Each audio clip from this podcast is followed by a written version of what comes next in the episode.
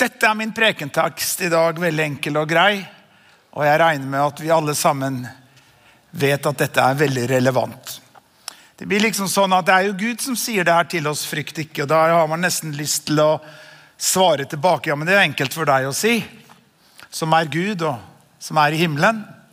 Men allikevel så er dette teksten og uttrykket Noen sier det, jeg har ikke telt etter, men eh, de sier at det står 365 ganger i Bibelen dette uttrykket 'å ikke frykte'.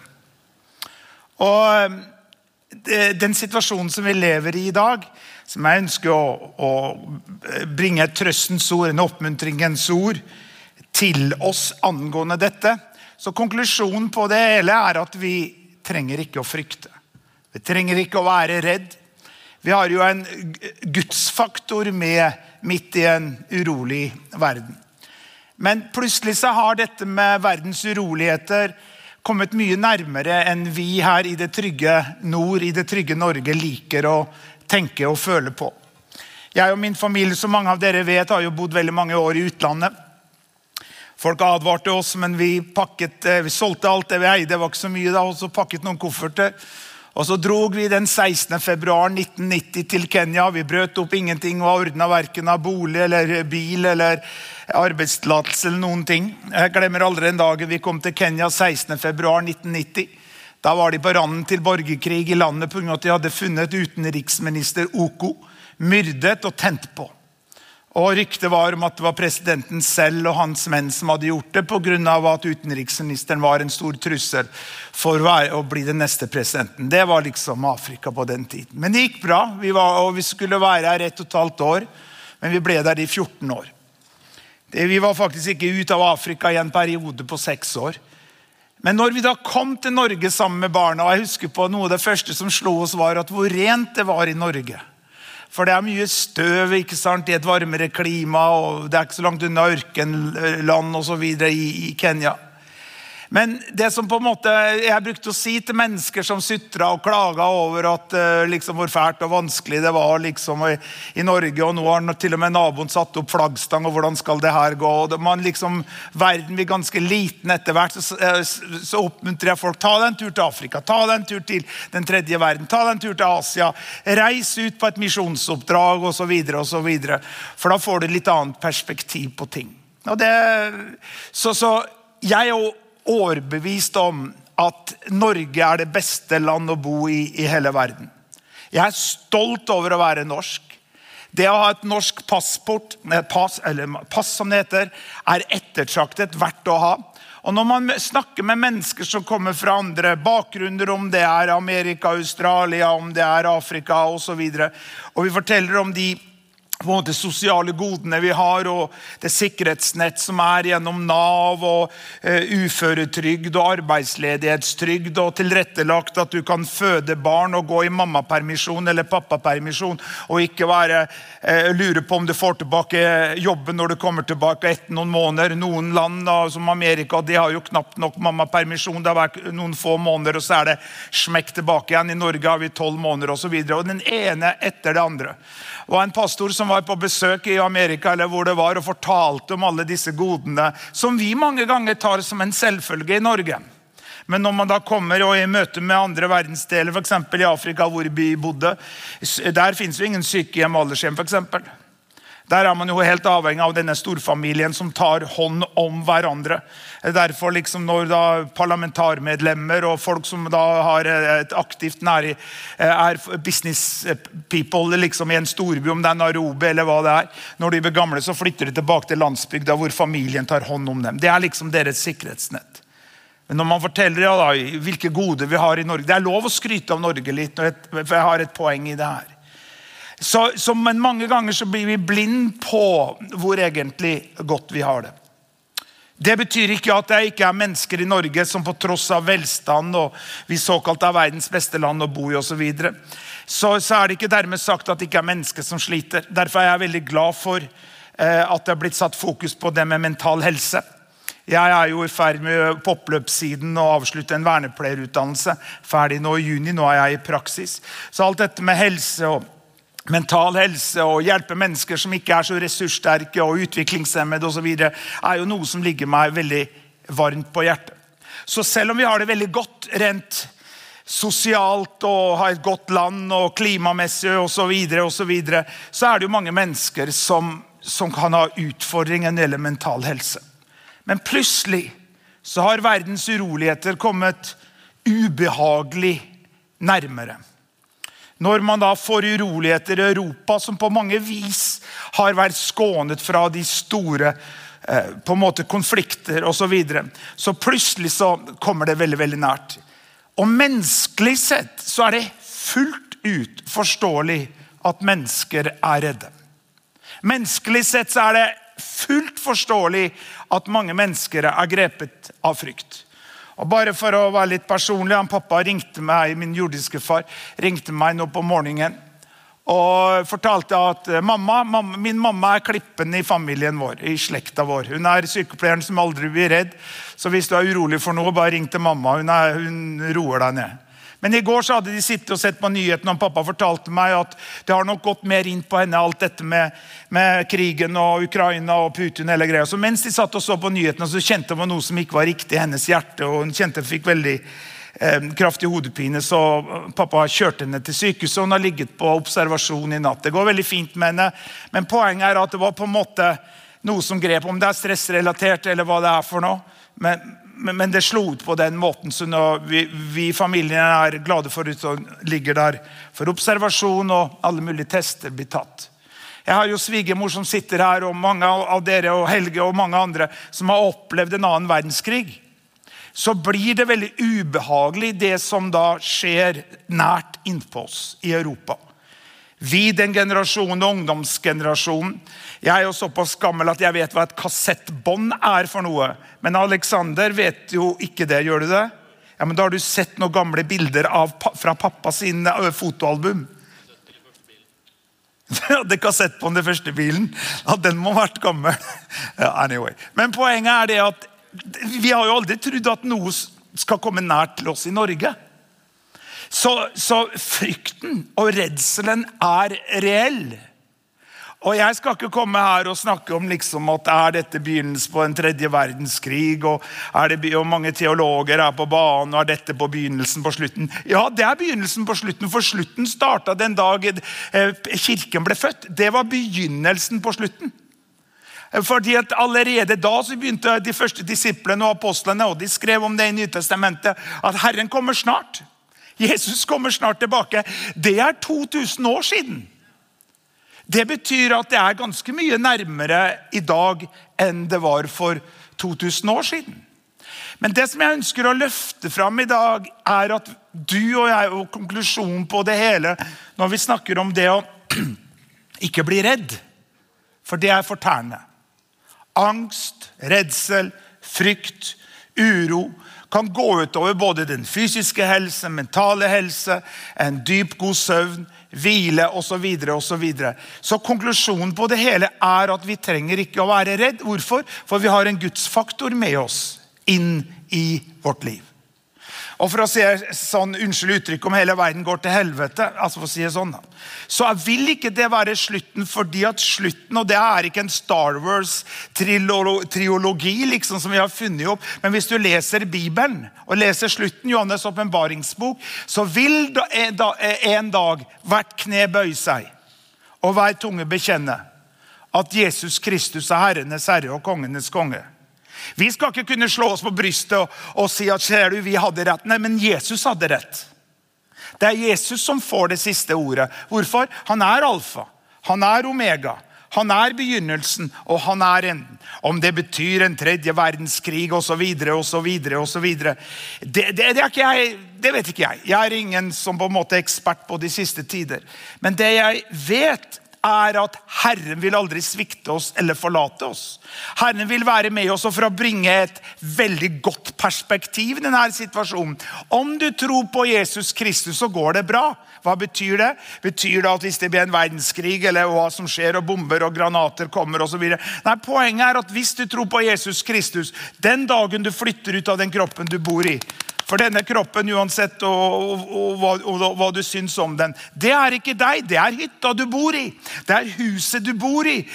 Dine øyne er bare vinduene som du ser ut igjennom. Men du har en evig sjel. Du har en ånd som er født på ny hvis du tror på Jesus Kristus. Så den dagen du flytter ut av kroppen din, så blir du ikke liksom gjort til jord, og så er det over, og så er det intet mørke, og det er bare liksom en summetone zzz, i all evighet. Nei, det er mange mennesker, og eh, det her eh, har man ingen bevis for rent biologisk osv.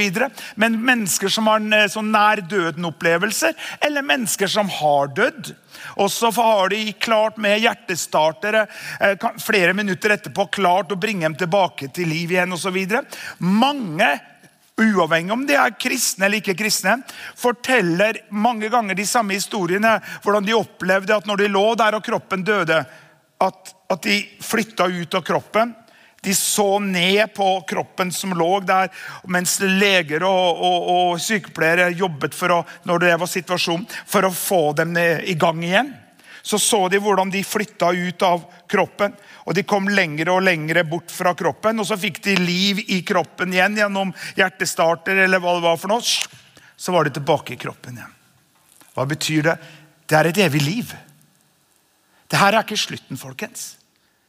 Og jeg må si det at eh, Bibelen snakker om at vi skal dø mette av dage. Eh, jeg håper for å si det sånn, jeg håper ikke blir noe verdenskrig. Jeg tror ikke det blir noe verdenskrig, for å si det sånn. Eh, jeg tror ikke det, det er utfallet på det hele. Men jeg samtidig håper at Jesus Kristus kommer snart og henter oss hjem. Men samtidig så ønsker jeg også at han skal dryge litt, så vi får gjort det som vi er kalt til å gjøre. For vi har et oppdrag her å gjøre. Ikke bare å sitte med en billett til himmelen når vi en dag dør, som på et venterom. Kirken er ikke et venterom hvor vi får utdelt billetter. så hvis du sier ja til Jesus, så er du sikra din framtid. Ja, den er sikra din framtid. Men kirken er ikke et venterom, men det er et sykehus hvor du blir satt i stand, hvor vi blir lekt, hvor vi blir lappet sammen, og så blir vi sendt ut for å utføre et oppdrag som er gitt av Jesus Kristus selv. og Det er det vi kaller for misjonsoppdraget. Det var innledningen. Så skal jeg bringe deg et fantastisk bibelvers. Så får vi se hvor langt vi kommer. Det her er Jesus som taler som du har en sånn bibel hvor alt det Jesus sier er i rødt, så er dette i rødt. Men, ta, men så er Jesus som sier at men talsmannen Den hellige ånd, som Faderen vil sende i mitt navn, han skal lære dere alle ting og minne dere om alt det jeg har sagt dere. Fred etterlater jeg dere. Min fred gir jeg dere. Ikke som verden gir, gir jeg dere. La ikke deres hjerte forferdes, og la det heller ikke gripes av frykt. Hva er det jeg snakker om? Jeg snakker om frykt ikke. Og Det som jeg ønsker å løfte fram her, er at mange ganger og på en måte Jeg husker på når vi bodde i Afrika. Og for å si Det sånn, er jeg glad, det er samme måte, det er kanskje en grunn til at man får barn når man er ung. for at eh, Når jeg ser hvor full fart det er med Hanna og Maria og Kenneth og Dan og, videre, og, og, så sier jeg til Hilde av og til hvordan, hvordan klarte vi det her? Vi hadde jo også to barn som var ganske aktive. Ja. Men det er kanskje noe man klarer når man er ung. men eh, ja. Anyway, Det er liksom betraktninger rundt det her. Men jeg hadde jo aldri reist til Afrika med to små barn i dag. Det er jo farlig, jo. Det var det de sa til meg. Ja, men Det er jo akkurat samme når folk sier det er jo farlig. Det er jo farlig, det som han, sa han Ludvig. ikke sant? Men vi gjorde jo det. Og, og Seks ganger mens vi bodde der, så hadde vi forsøk på innbrudd. Vi bodde jo i hus som var som, noen, på en måte som, et, som en festning pga. all kriminaliteten som var der. Vi hadde høye murer rundt, rundt, byg, eh, rundt eiendommen med piggtråd på toppen. Alle hadde sånn. Det var, det var, gitter framfor alle vinduer og dører. Vi hadde en nattevakt, det var en Masai. Helt fantastisk. Daniel han ville gått i døden for oss. Fantastisk kristen Masai. Eh, så hadde vi, hadde vi, jo vakthunder og hadde en bokser. og han, Til slutt så var han så gammel at han, at han var døv, men han lukta av bandittene. Så når de prøvde å klatre over muren, det her er sant, så bjeffa han, og de var livredd fordi at eh, afrikanerne trodde at en bokser hadde krasja med et tog. Derfor så snuten sånn ut. Og Det var en gang, det var en av de siste, de, siste tiden mens vi bodde der. så, så, klarte han å bjeffe, og nattevakta trykte på en, på en, sånn alarm. og Da kommer det en vaktbil med fire vakter i, med kjepper. De har ikke lov til å ha våpen, men alle banditter har jo våpen og vel så det. Men da fant de utenfor eiendommen vår, og da var det ca. 20 stykker som hadde prøvd å bryte seg inn, ifølge vaktene som fulgte etter dem. Da var det en stige for å klatre over muren, og så var det en annen stige for å klatre inn i muren. Og nå, Hvis du ringer da politiet, om du kommer igjen på telefonlinjene Det var jo før mobilens tid. og Det var dårlig telefonlinje, men hvis du klarte å komme igjen og fortelle dem, må komme og hjelpe oss, det er innbrudd her, så, så sier de nei, beklager, vi kan ikke komme, vi har ikke noe bil. Bilen fungerer ikke. Så du var egentlig overgitt til deg selv, da. Eller til Gud. Og, og i, når vi kom da 16.2.1990, og, og Kenya var på randen til uh, borgerkrig og Det var jo flere ganger at vi var på randen til borgerkrig. så FN var jo veldig store i, i Narobi, så, men mange reiste hjem. Så vi kunne jo velge å vrake i hus. Vi kunne jo leie de svære palassene til slikk og ingenting. For alle, alle FN-folk hadde jo torde ikke å være lenger, så reiste hjem. Men vi, vi gærne misjonærer vi, vi forble der. Hadde ikke noe å reise til. Vi hadde jo brent alle broer bak oss. Vi hadde slutta vår utdannelse og solgt alt det veide, så vi ble der nede. Og, og, og, og vi tror jo at det var riktig. Og tror at Gud beskytta oss. Men du liker ikke å la deg på kvelden for å sove uten å be Jesu blod og Guds engler om å beskytte deg. Og det gjorde han. Fordi at vi var på rette sted til rette tid. Og Det tror jeg har noe med denne med timingen og Gud. Jeg tror at du, Det er aldri at du er så lykkelig som å være akkurat på det stedet Gud vil du skal være. Om Gud vil du skal bo på Svalbard, så er det lykkeligste stedet for ditt, for ditt liv. Å være i Guds plan og Guds vilje. Og Her skal man ikke bli helt nervøs og så livredd for å komme utenfor Guds vilje og Guds plan. Om du kjøper deg en Volvo istedenfor en Skoda, så kan du ikke begynne å tenke at det, du er utenfor Guds vilje. Og om du kjøper deg et blått hus istedenfor et gult hus, så det var, nå er jeg utenfor Guds plan. Nei, Gud har et større perspektiv på ting enn det. Men det du kjenner i ditt hjerte, den retningen det drar i når det gjelder ditt liv, hvis du bare på en måte går i den flowen, hvis du på en måte drar deg mot det som du kjenner at du har lyst til å jobbe med, lyst til å være og, og, og kjenner engasjement og begeistring med, så er det veldig ofte også i linje med Guds vilje med ditt liv. Fordi at Gud vil aldri be deg om å gjøre noe som er det verste du kan tenke deg. Det er en minimal sjanse for at du blir kalt til å reise til misjonær til Otta Toba Turkolenken hvor nå det måtte være. Hvis du hater å reise og har aldri vært utenfor Norges grenser, du har til og med ikke vært på harryhandel i Strømstad, for du liker å være hjemme i din egen hage, minimal, og du liker ikke sterk mat, så er det minimal sjanse for at Gud vil kalle deg til å reise til disse stedene som ikke jeg klarer å gjenta igjen. Henger du med? Fordi at Guds ord sier at det er Gud som virker i oss både til å ville og virke og gjøre Hans gode vilje. Og, og, da får du et litt mer Det her er bare litt sånn sidespor. Jeg bruker en del sidespor, jeg ikke det, men back, back, sånn rabbit trails. Kommer tilbake på hovedsporet etter hvert. Men, men, dette tror jeg på en måte kan gjøre at du kan senke skuldrene litt angående dette med noen kristne er så livredde for være utenfor Guds vilje. Fordi Da spør jeg hva er det du liker å gjøre. Jeg snakker ikke liksom om å sitte og game hele natta, drikke cola og spise chips. Men hva er det du liksom dypest i ditt hjerte hva er det du liker å holde på med? Noen elsker å jobbe med barn, noen liker administrasjon, noen liker å hjelpe eh, mennesker som ikke har det noe bra. Uansett hva det er for noe, så er det der Gud Guds vilje og Guds engasjement og begeistring og energi kommer inn. For han virker sammen med deg og gjør Guds vilje. Ja, ok. Men tilbake til bare med Afrika. da.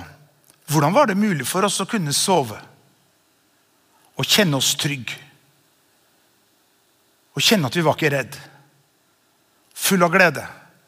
Og hadde et fantastisk liv der nede. Jo, det var av Den hellige ånd. Og Det jeg ønsker å løfte fram midt i en urolig verden, det er dette med Den hellige ånd å gjøre. Jesus er jo ikke her. Jesus sitter ved Guds Faders høyre hånd. Han skal derfor komme igjen for å dømme levende og døde.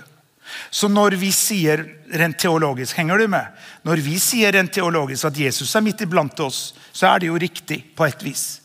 Men det er gjennom Den hellige ånd. For Jesus selv sitter ved Guds Faders høyre hånd. Når han da sto opp igjen fra de døde, gikk opp til Faderen og sa til Faderen nå har jeg gjort det som du hadde bedt meg om å gjøre, Å dø på et kors av egen fri vilje. Nå må du gå og hjelpe disse stakkars disiplene som er livredde, som er nede på jorda og lurer på hva er det som skal skje. Du må sende Den hellige ånd. Og så sendte Faderen talsmannen Hellige ånd, som skulle komme og være hos dem. For Scenarioet var jo det at når Jesus fortalte disiplene sine at det var det beste for, for dem at han skulle dra bort, så var jo ikke de enig i det. De var jo ikke enig i det. De var jo i flowen. Det var Mirakler skjedde, og store offer kom inn. og Judas var veldig fornøyd. liksom, ikke sant? Og Store folkemengder. Og, og disiplene kunne sole seg i glansen av Jesus når han vekte mennesker opp fra de døde. og Tusenvis av mennesker fulgte Jesus. Og, så og så kommer Jesus en eh, sen kveldstime når de sitter der etter en lang dag og sier at det beste for dere at jeg drar bort. Og de sier du må jo tulle, Jesus. Hvordan kan det være det beste for deg? For, for oss? Og så, Jesus, så, sier jo Jesus i Johannes 6 at når ikke jeg går bort, så kan ikke en hellig ånd komme. Men når Den hellige ånd kommer, talsmannen Den hellige ånd, skal han veilede dere til den fulle sannhet. Hør her. Den store forskjellen er mellom et vanlig menneske som er livredd for Putin, verdenskrig, Ukraina, hele, hele pakka som jeg har full forståelse av at mennesker er redde for. Den store forskjellen er Den hellige ånd som er tilgjengelig for deg og meg 24-7. Og Det er så viktig at du og jeg griper tak i. Vi hadde mange tøffe runder. og var mye, Det var veldig tøft i perioder i Afrika. Mennesker som ønsket å ta livet av oss. Og Det var perioder jeg husker var én natt. Jeg følte meg så under attakk. Og det her kanskje Du tror at jeg liksom helt spaced out. Men klart, her var det witchcraft og mennesker som drev med slike ting. og, og så videre, og så videre. Men det var en kveld du, jeg, var, jeg var ikke gæren, men det var en kveld. Og jeg visste at om du går og bare legger deg nå, Erik, da våkner du ikke noe mer. Og Det var ikke det at jeg hadde et nervøst sammenbrudd, men det var noe som var ute etter å ta med, som jeg ikke kunne ta og føle på. Men i etterkant så fant jeg ut hvordan mennesker holdt på hele tiden ønsket oss. Ble tatt livet av oss og Den natta så Familien gikk og la seg, sa god natt til barna. Sa god natt til Hilde. Så sa jeg jeg blir oppe. jeg. Så hadde jeg en av mine favorittsanger som jeg satte på den gangen. Denne gamle låssangen som er at Lord, you are more precious than silver. You are more costly than gold. Og så satte jeg den på repeat. Og jeg, nei, jeg svetta ikke blodstråper som Jesus gjorde i Getsemane hage. Men jeg følte det sånn. Tenk på det! Jesus svetta blodstråper i Getsemane hage. Han var uten synd. Og Han tok med seg Peter, Jakob og Johannes og så sa han, ta be sammen med meg.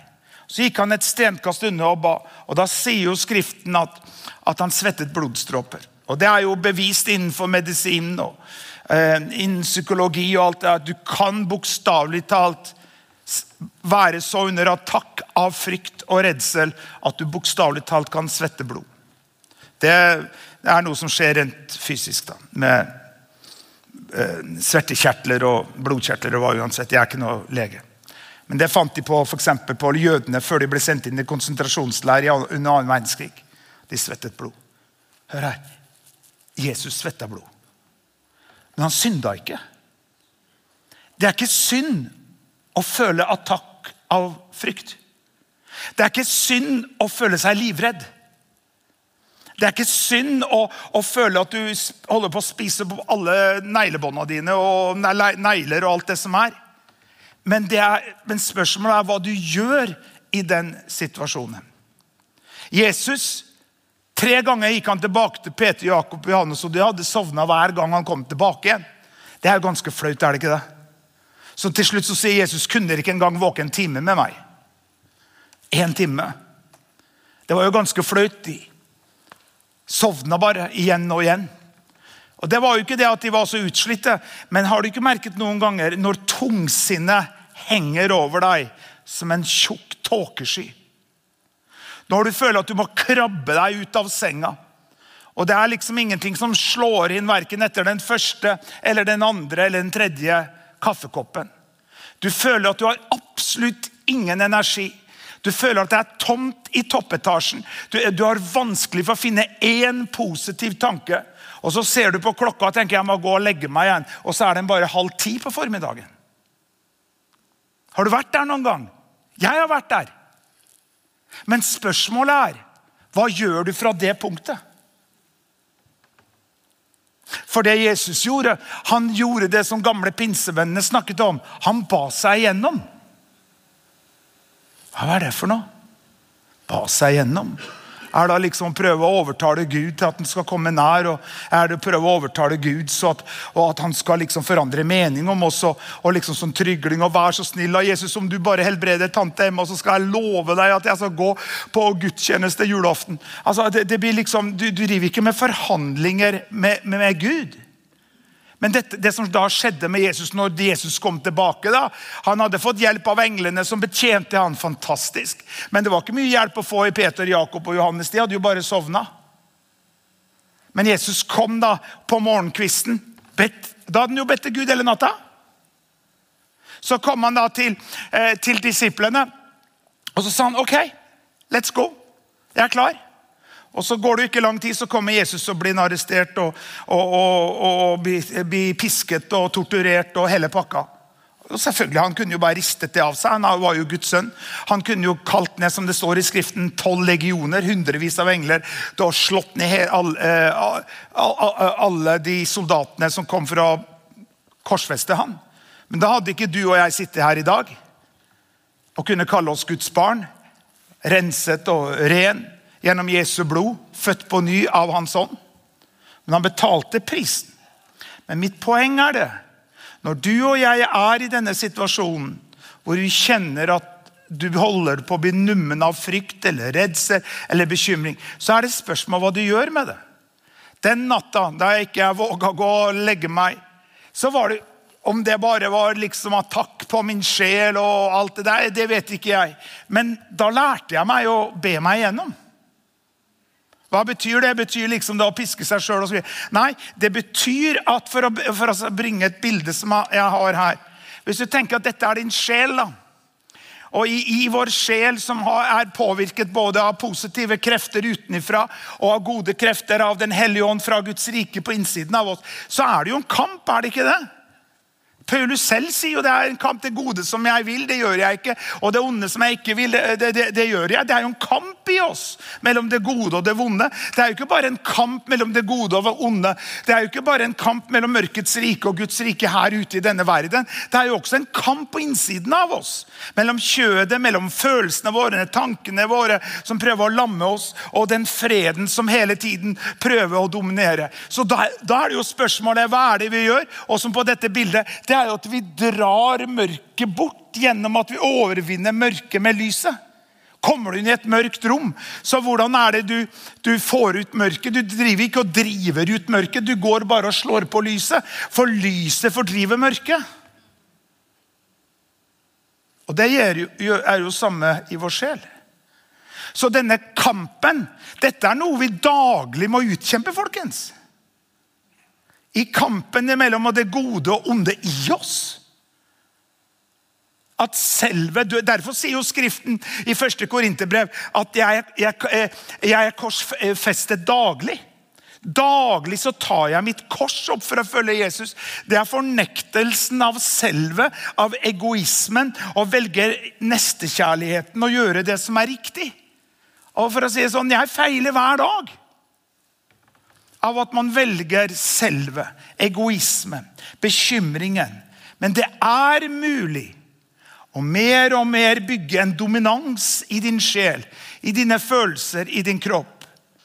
Av Den hellige ånd og av Guds ord. Dette kan jo bli en lang serie. Men skal, vise. skal vi lese skrift, et lengre skriftsted her?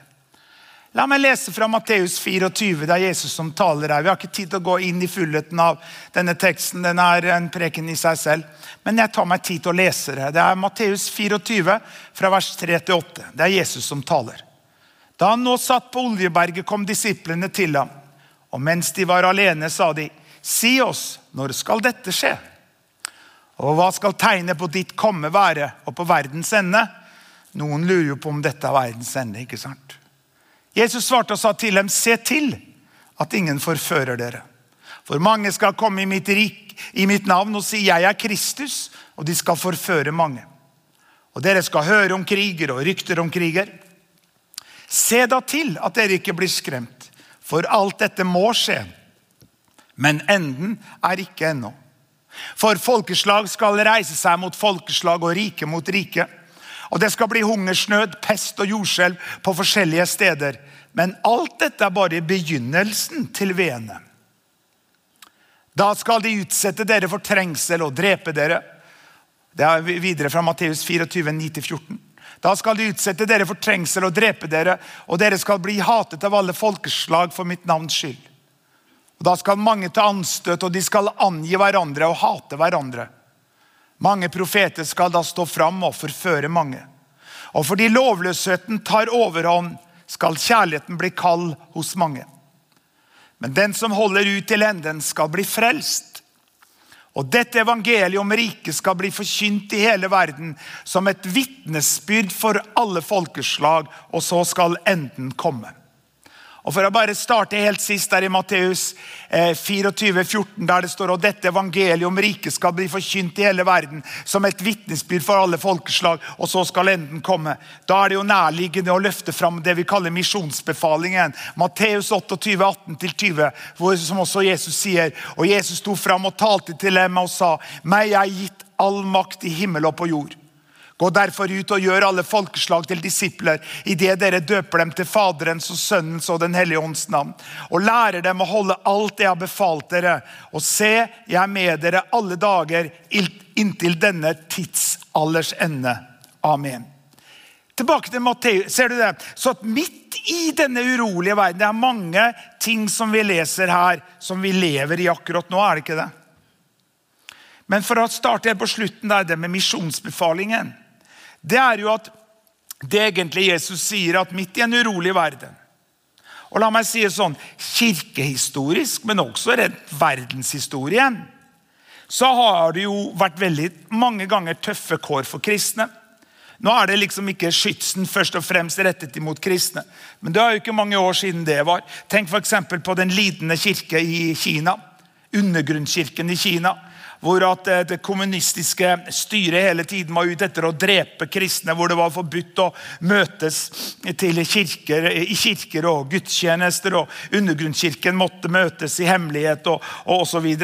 Bare også tenke tilbake før eh, jernteppet falt eh, mellom Øst-Berlin og Vest-Berlin. Jeg har jo selv vært med og smuglet ting inn i Romania og i Polen mens det var veldig tøffe tider for de kristne der, så var det jo veldig tøft å være en kristen. Men lengselen etter å komme sammen som en kristen, lengselen etter å komme og prise Herren sammen, lengselen etter å høre Guds ord forkynt, overvant frykten for å bli fengslet og torturert eller drept. eller hva det var for noe. Og Mitt poeng er det at uansett hvordan situasjonen er rundt oss, så må vi komme til det punkt hvor vi lærer oss, som Jesus sier her, at freden til Jesus Kristus er det som dominerer vår sjel. Og den er uavhengig av situasjonen rundt deg. Ja. Du er ikke avhengig av verdensfred, at alt liksom at Putin skal forsvinne osv. Ja, det er tøffe situasjoner og utfordringer, og jeg har ikke svaret på alt. Men det jeg har et svar på, er at talsmannen Hellig Ånd, som Faderen har sendt i navnet Jesus, han skal lære dere alle ting og minne oss om hva Jesus har sagt til oss. Og Jesu fred har blitt gitt oss. Og hvis at du og jeg og det, Vi kan ikke si ja til det 24-7. Hvis du er i en situasjon hvor at Jesu fred er ikke det som dominerer din sjel, så er spørsmålet hva gjør du med det? For det Jesus sier her i det Matteus 24, så er det jo liksom Det er to Jesus eh, hvor Jesus sier 'pass på', da. ikke sant? Pass på. For eksempel, Hvis du går forbi en farlig hund, pass på den hunden. ikke sant? Be aware of. Altså, pass på. Hva betyr pass på? Du skal følge med noe som kan være en farlig situasjon. Pass på. Så er det er to Pass på i Matteus 24. Og det er for det første se til at ingen forfører dere. Hva er forførelse? Forførelse at noen tar deg i hånda, men sakte, men sikkert leder deg bort fra den veien du skal gå på. Vi snakker om fake news, vi snakker om eh, falsk teologi, rett teologi. Det kan jo hende at jeg tar masse feil i min teologi. Men jeg må jo bare være tro mot det som jeg opplever er sannhet per i dag. Jeg, det, hva ellers skal jeg følge? Alt er jo ikke relevant. Alt er jo ikke relativt. Det mener, alt er jo ikke relativt. Bibelen er relevant. Hva? Men vi må jo være tro mot det lys som, som, vi har. Men Bibelen snakker om dette. Se da til at ingen forfører dere. Derfor hele tiden, kjære venner, back to the basics. Hele tiden så må vi sjekke jo enhver læresetning, enhver mening opp imot Guds ord. Jeg tar jo som sagt en, en eh, en eh, utdannelse som vernepleier hvor at atferdsanalyse og behavior analysis er noe av det sentrale. Og Det, det vi får terpa inn, er ikke å sluke bare noe folk mener. Det må bevises ut fra empiriske fakta, gjennom vitenskapelige undersøkelser og fakta som kan fremlegge bevis for en teori. Det kan ikke liksom bare være sånn ja, men det, det, føles rett for meg. Det må være basert på noe mer enn bare fakta. Og på samme måte, Vår lære kan ikke bare være basert på synsing og følelser og tanker. Det må være basert på Guds ord, som sier hva sier Guds ord. Hva sier Guds ord? Jeg snakker ikke om da, eh, løsrevete bibelverser her og der. Jeg snakker om i det store og det hele hva er Bibelens lære? Og det er det som skal være vår lære. Og så det andre, som er det min betoning i dag. Se da til at dere ikke blir skremt. Så du det i Skriften at Jesus sier det? Eh, hvor står det? Det står i eh, Det var vel her? Skal vi se. Ja, det er seks, ja. Skal vi se. Vers 6. Og, og, dere skal høre om kriger og rykter om kriger. Det er ganske relevant bibelvers, er det ikke det? Se da til at dere ikke blir skremt. For alt dette må skje, men enden er ikke ennå. Uh, hvor kommer da dette se da til at dere ikke blir skremt? ja. Uh, ikke blir skremt. Og så står det foran da, se da til at dere uh, Ingen forfører det. Hvilket vers var det? da? Står, der er det. Jeg har ikke brillene på meg. Jesus svarte og sa til dem, se til at ingen forfører dere. Vers 4. Vers 6. Se da til at dere ikke blir skremt. Dette er noe du og jeg må se til. Dette er noe som er vår hjemmelekse. Dette er noe som du og jeg må passe på. Og det kan vi klare. For vi skal ikke klare det i egen styrke og anstrengelse. Vi skal klare det gjennom Den hellige ånds hjelp. Ok. Så hvordan kan vi da unngå å bli skremt? Jo, Det er to ting som jeg vil nevne her. Og det er klart at Vi trenger ikke være som strutsen som bare putter hodet i, sanden og, og, liksom tenker krig. Hvilken krig? Og, liksom prøve å glemme hele verdens situasjon. Men én ting som er utrolig viktig, det er selvsnakking.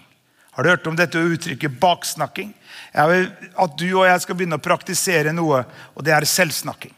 En av de bibelversene, og Det betyr å snakke til seg selv. Veldig enkelt. Hva sier du til deg selv? Jeg har sagt veldig mye dumt til meg selv. Det er veldig dumt. Men vi skal si pene ting om oss selv. Og det, hører, det, høres og føles unaturlig til å begynne med. Men troen kommer av hørelsen og hørelsen av Guds ord. Men selvsnakking er bokstavelig talt hvor er det skoen trykker. Og som jeg, jeg og Hilde har jo en veldig travel hverdag. Og Mange ganger så kan jeg føle meg overveldet, og det er mye å gjøre. og alt det der. Men da en av de bibelversene som jeg praktiserer mest når det gjelder selvsnakkingen, er at alt makter er Han som gjør meg sterk. Alt makter jeg Han som gjør meg sterk. Nå skal jeg gi deg en veldig enkel hjemmelekse som det er veldig lett å gjøre, men som gjør at du kan få For hva er det vi snakker om? Jo, At ikke vi skal bli skremt, at ikke vi skal være redde. Men at Jesu fred, som overgår all forstand, skal bevare vårt hjerte og våre tanker, følelser og kropp i Kristus Jesus. Så hva er det du skal gjøre? Jo, hvor trykker skoen? Hva er du redd for? Hva, hva, hva, hva, er det som plager ditt sinn? Hva, er, det, er, det, det koker på?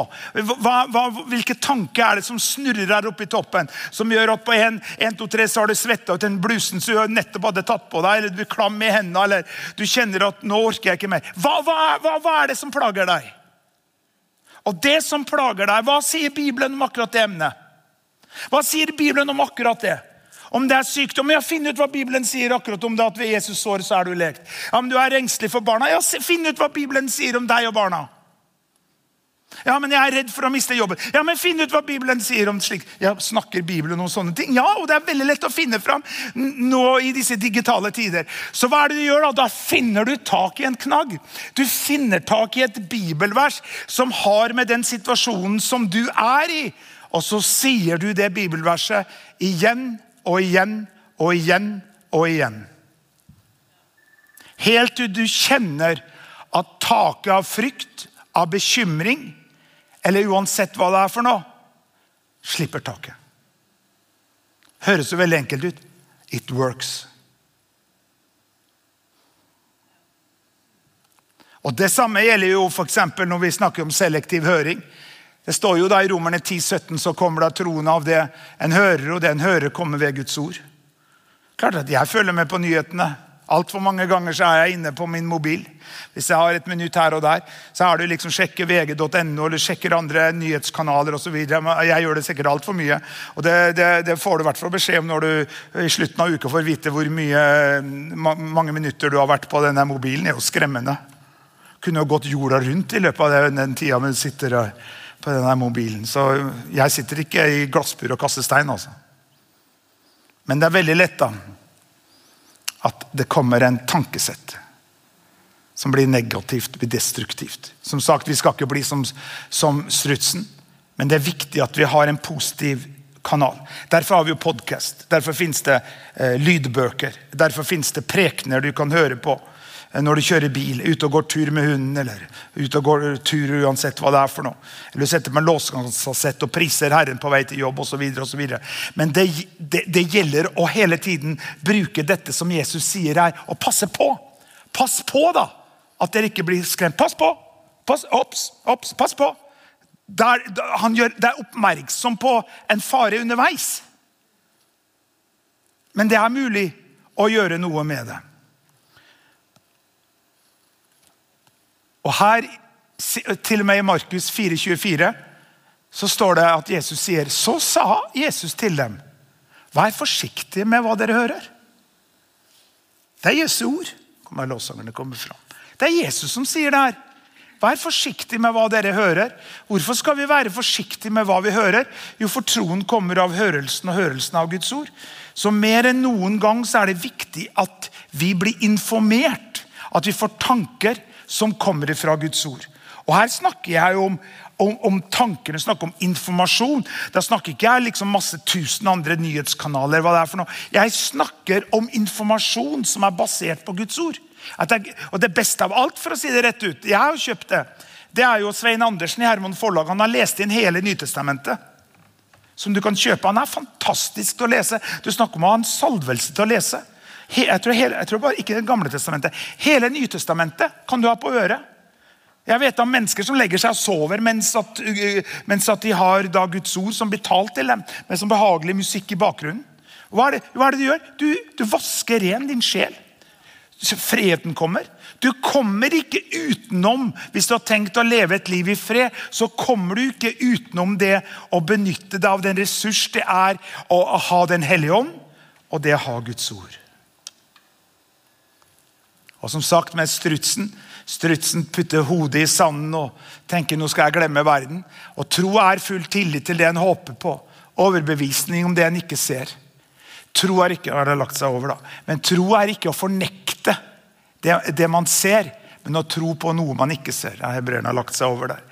Men det er det jeg har skrevet. Tro er ikke å fornekte det man ser, men å tro på noe man ikke ser.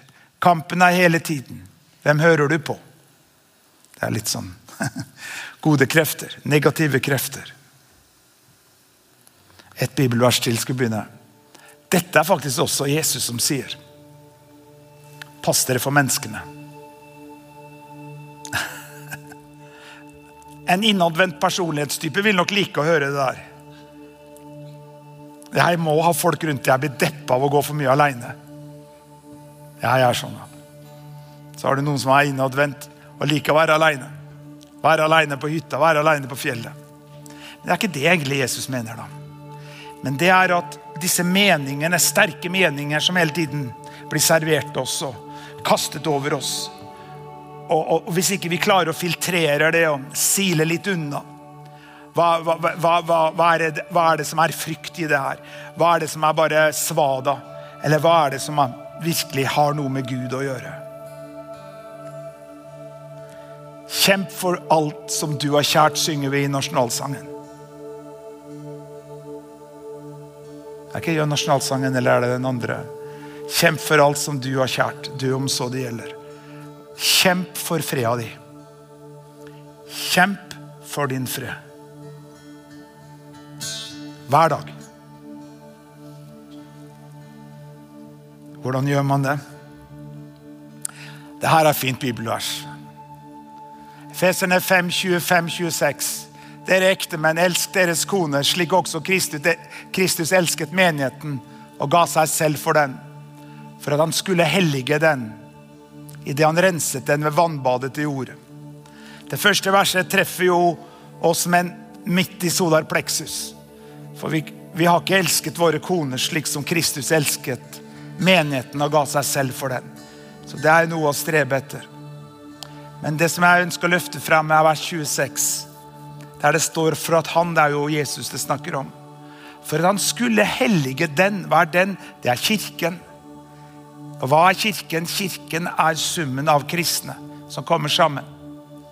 Idet han renset den ved vannbadet i ordet. Vi trenger å bli renset i vannbadet av Guds ord. Ditt ord, Herre, er en lykte for min fot og et lys på min sti. Romerne 12,2 sier jo dette, og bli ikke dannet lik denne verden, men bli forvandlet ved fornyelsen av deres sinn, så dere kan prøve hva som er den gode og velbehagelige og fullkomne Guds vilje. Det skjer gjennom vannbadet av ordet. Det skjer gjennom Guds ord. Dette er en av mine favorittsitat av Norman Vincent Peale. Change your thoughts and you change your world. Forandre ditt sinn, forandre din verden. Skulle ønsket å kunne forandre hele verden, men det startet med at du og jeg forandrer vår verden. Det som er inni oss. Kjemp for freden. Kjemp for freden i ditt hjerte. Kjemp for dominansen av Guds ord og Den hellige ånd dine følelser, tanker. Så at midt i en urolig verden så kan vi stand still and see the salvation of the Lord. Stå stille og si Herrens frelse. For Herren skal stride for dere, og dere skal være stille. La meg få be for dere. Du som er her, og du som hører min røst og ser på dette programmet. Det er Jesus som er fredsfyrsten. Det er Jesus som kan skape fred i et urolig, eh, i et urolig hjerte. Vi trenger ikke å forstå alt som skjer i denne verden. Men det gode budskapet, evangeliet om Jesus Kristus, er at Jesus kan komme inn i ditt hjerte og skape en fred som overgår all forstand. Så la fredsfyrsten Jesus Kristus komme inn i ditt hjerte og si etter meg, kjære Jesus, kom inn i mitt hjerte. Jeg tar imot deg nå som min personlige frelser og som min Herre. Skap fred i en urolig sjel, Jesus. Jeg stoler på deg. Amen. Far Gud, jeg ber for oss alle sammen. Alle som hører min røst og ser på, Herre. Kom, Hellige Ånd. Skap fred i urolige hjerter. Kom, Hellige Ånd. Den tredje personen i guddommen. Gi oss din fred som overgår all forstand, og som bevarer våre hjerter, våre tanker, våre følelser og våre kropper i Kristus Jesus. Jeg kommer imot ethvert mørke av frykt, av angst og bekymring. Og jeg sier fred. På samme måte, Jesus, som du stillet stormen på havet, så taler jeg fred i menneskers sjel. Jeg taler fred i menneskenes sinn, følelser. Og ber om at din fred dominerer, overgår all forstand. La din glede reise seg på nytt igjen i nedtrykte, bedrøvede sjeler. Gled deg i Herren alltid. Igjen vil jeg si gled dere. For gleden i Herren er din styrke, sier Herren. Fader Gud, jeg bare takker deg. Kom, Helligånd. Betjen ditt folk med din hånd. Gi deg all ære. Gi deg all lov. Gi deg all pris. Ta imot Herrens velsignelse. Herren velsigne deg og bevare deg. Herren la sitt ansikt lyse over deg og være deg nådig. Herren løfte sitt åsyn på deg og gi deg fred. Og gå i fred. Og tjen Herren med glede. I Faderens, i Sønnens og Den hellige ånds navn. Og alle sammen sa. Tusen takk for at du tuna inn og at du var sammen med oss på dette programmet. Vi håper det var til hjelp og til oppmuntring i din hverdag. Dersom du ønsker å ta kontakt med oss, kan du gjøre det via nettsida vår, østfoldkirken.no, og vi setter veldig pris på å få tilbakemeldinger dersom det programmet her har vært oppmuntring for det eller til hjelp for det. Så setter vi stor pris på å høre det. Ha en velsigna uke.